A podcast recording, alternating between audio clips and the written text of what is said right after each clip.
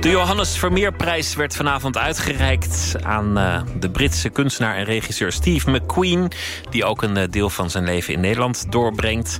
Hij maakte veel korte films en installaties die gepresenteerd zijn in een museale context, maar bij het grote publiek is Steve McQueen vooral bekend vanwege zijn speelfilms Hunger, Shame en 12 Years Slave. Met de laatste film won hij ook een uh, BAFTA Golden Globe en een Oscar, allemaal voor beste film. Hij houdt niet erg van interviews en geeft ze dan ook niet zo heel erg vaak. Maar onze verslaggever Luc Heesen kreeg hem vanavond toch te spreken. Kunstenaar en regisseur Steve McQueen is net een uur geleden geland vanuit Los Angeles. Ik heb hem gevraagd om me te ontmoeten op een plek die voor hem betekenis heeft. We treffen elkaar in het Safati Park in de Amsterdamse Pijp. McQueen komt aan op de fiets. Hij woont al ruim 20 jaar in Amsterdam met zijn vriendin, zoon en dochter.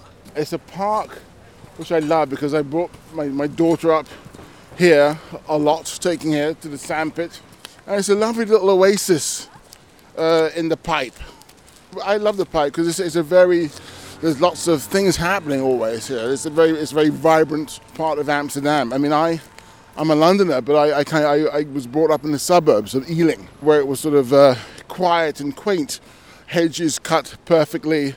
You know, it was, it was, it was a very middle class uh, uh, living, basically. You know, uh, so to come to the pipe was a bit of a shock in a way because it's everything's happening. I imagine people might think, oh, he's coming from London, it'd be much more busy and you know. Da, da. But I, I, I'm from London, but I, I, I came from a suburbia. McQueen is een veelzijdig kunstenaar en regisseur.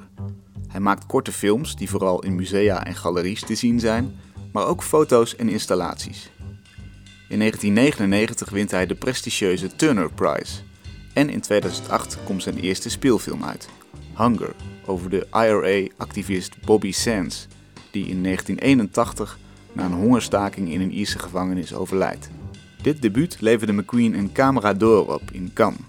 In 2011 volgde de film Shame en in 2013 12 Years a Slave, waarmee hij een Oscar, een BAFTA en een Golden Globe voor de beste film wint. McQueen zegt dat de onderwerpen voor zijn werk hem min of meer komen aanwaaien. To give an example, the first one, feature film I made is Bobby Sands, for example, the hunger striker in, in Hunger. Um, it was a situation, it was a childhood memory. I was watching television and um, there was an image on the television of this man, and underneath it was a number.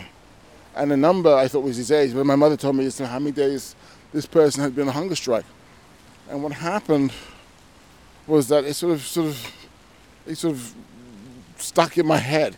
I was 11 years old, and I, I sort of related it to a, the whole idea that in order to sort of be heard, this person didn't eat, and therefore, when I was a child, I very much related to the fact when every child has this situation before, when his mother or father says you're going to finish the food, otherwise to go straight to bed. And you know that whole idea of resistance from a child is very interesting because that's the only power you have to stop eating. Mm-hmm. And that was, that was interesting to me. Um, and that sort of triggered out. So the seeds were, were, were planted, how can I say, were planted like 20, what, two years before I actually made Hunger. 25 years until, until I made Hunger. Ik denk dat je een soort onderscheid kunt maken bij Steve, zoals bij veel tussen on, wat is eigenlijk het onderwerp, wat is de aanleiding en wat is dan het dieperliggende thema. Anne de Meester is directeur van het Frans Hals Museum en een van de juryleden van de Johannes Vermeerprijs. Volgens de jury verdient McQueen de prijs omdat hij het universeel menselijke belicht, vaak in situaties waarin mensen onderdrukt, onvrij en gekweld hun waardigheid bevechten en bewaren. Zijn onderwerpen zijn heel divers. Dat gaat van de slavenhandel in 19e eeuws Amerika, uh, de coltaanontginning in Congo momenteel, de goudmijnen in Zuid-Afrika in de 21ste eeuw. Het zijn allemaal heel verschillende onderwerpen en aanleidingen. Maar ik denk dat een van de onderliggende thema's die je als kijker herkent, is toch dat het telkens weer gaat over uh, rechtvaardigheid, onrechtvaardigheid, over wel of niet aan de macht zijn, wel of niet gemarginaliseerd worden. En heel vaak zijn de personen of personages of, eh, die in de films voorkomen, hebben een soort combi van extreme kracht en extreme kwetsbaarheid. En je ziet het bij de, het, het hoofdpersonage in Shame, 21e eeuwse seksverslaafde, maar ook het hoofdpersonage Solomon Northup in 12 Years a Slave. I was born a free man, lived with my family in New York. Be good for your mother. Until the day I was deceived. To Solomon. Kidnapped. Sold into slavery. If you want to survive, do and say as little as possible. Well, I don't want to survive. I want to live. Uit de formulering van de jury zou je kunnen afleiden dat het werk van McQueen ook een stevige politieke component heeft. Het is zeker politiek, alleen doet hij er geen politieke uitspraken mee. Uh, je hebt altijd denk ik het gevoel als je de films van Steve McQueen bekijkt, laten we nu bijvoorbeeld Hunger nemen, dan weet je niet is hij nu voor of tegen de IRA. Levert hij nu eigenlijk kritiek op Bobby Sands of levert hij kritiek op het Britse gevangenissysteem? Wat is goed of kwaad überhaupt? En het lijkt alsof het werk daarover gaat, altijd weer over die laag die eronder ligt, die eigenlijk veel abstracter is. Maar ik denk wel, dat is net wat de jury van de Vermeerprijs zo apprecieerde. En daarom noemen we het een beetje krukkig het universele. Want universeel bestaat natuurlijk niet. Maar het gaat niet om die specifieke situaties die hij filmt. Het gaat weer over die levensvragen en morele vragen en ethische vraagstukken die daaronder liggen. En die in elk, elke tijd, elk land, elke, elke cultuur telkens weer opduiken. We zijn halverwege onze wandeling door het Safati-park als McQueen vertelt dat hij gek is op radio. Geluid zorgt er namelijk voor dat de luisteraar zelf een wereld visualiseert. Een wereld die per definitie intiemer is dan wat je met film kan laten zien. En hoewel McQueen natuurlijk ook met beeld werkt, geeft het aan wat hij met zijn films het liefste doet, namelijk onder de huid van de toeschouwer kruipen. You know, for example, when you sort of with someone in the Amazon and they're thrashing through the, the, the foliage with a machete, you're actually in the Amazon with sound. And with TV or film, you sort of you sort of have a arm's length of it. You're sort of looking at someone rather than being involved, because your imagination sort of takes hold, and you're you're, you're part of the of the the voyage as such, rather than sort of an observer. No, an observer. Ik denk dat het ook een wezen was die ooit zei van Steve maakt net zoals een aantal andere kunstenaars een soort cinema of affect. Hè, van het gaat, uh, en affect is niet alleen emotie, dat gaat, is veel uh, onderhuidser. Het is een soort emotie die je niet eens kunt verwoorden.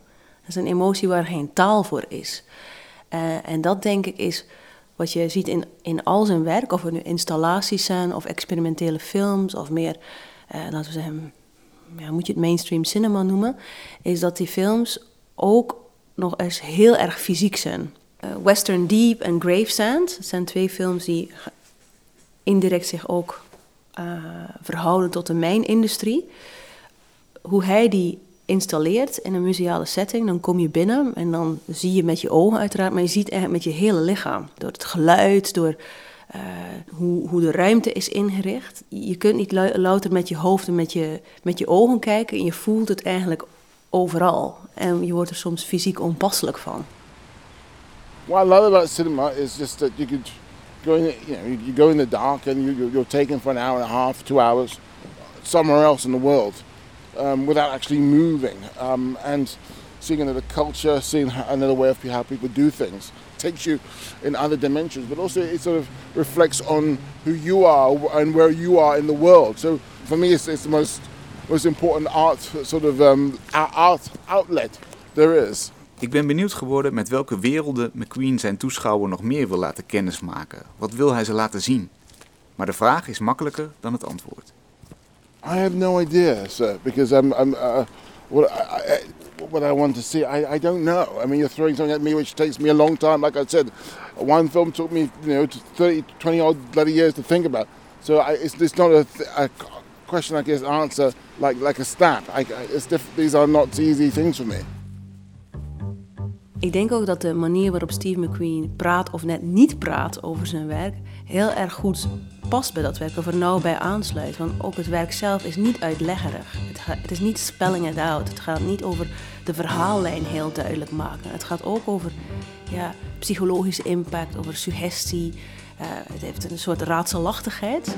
Dus hoe hij er dan over praat, is eigenlijk een soort spiegel van wat hij maakt. We zijn inmiddels terug bij de uitgang van het park. McQueen vertelde me eerder in het gesprek al dat het niet aan hem is om na te denken over het effect dat zijn werk heeft op kijkers.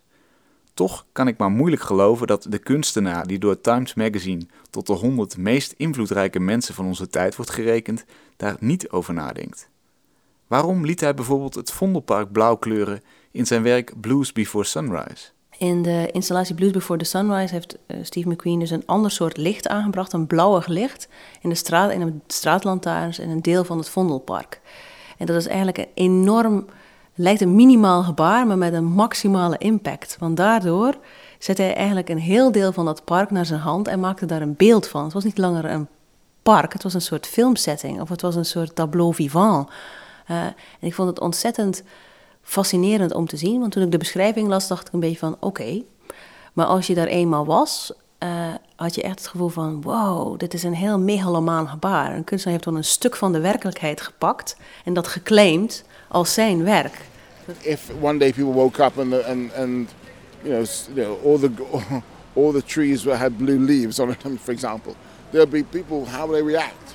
And it's just as simple as the things connect. You make people sort of uh, engage with the world differently. And it's about i suppose that's what it's about you know how hope okay you as an artist a filmmaker you hope what you do can for a moment just a millisecond make people engage with the world differently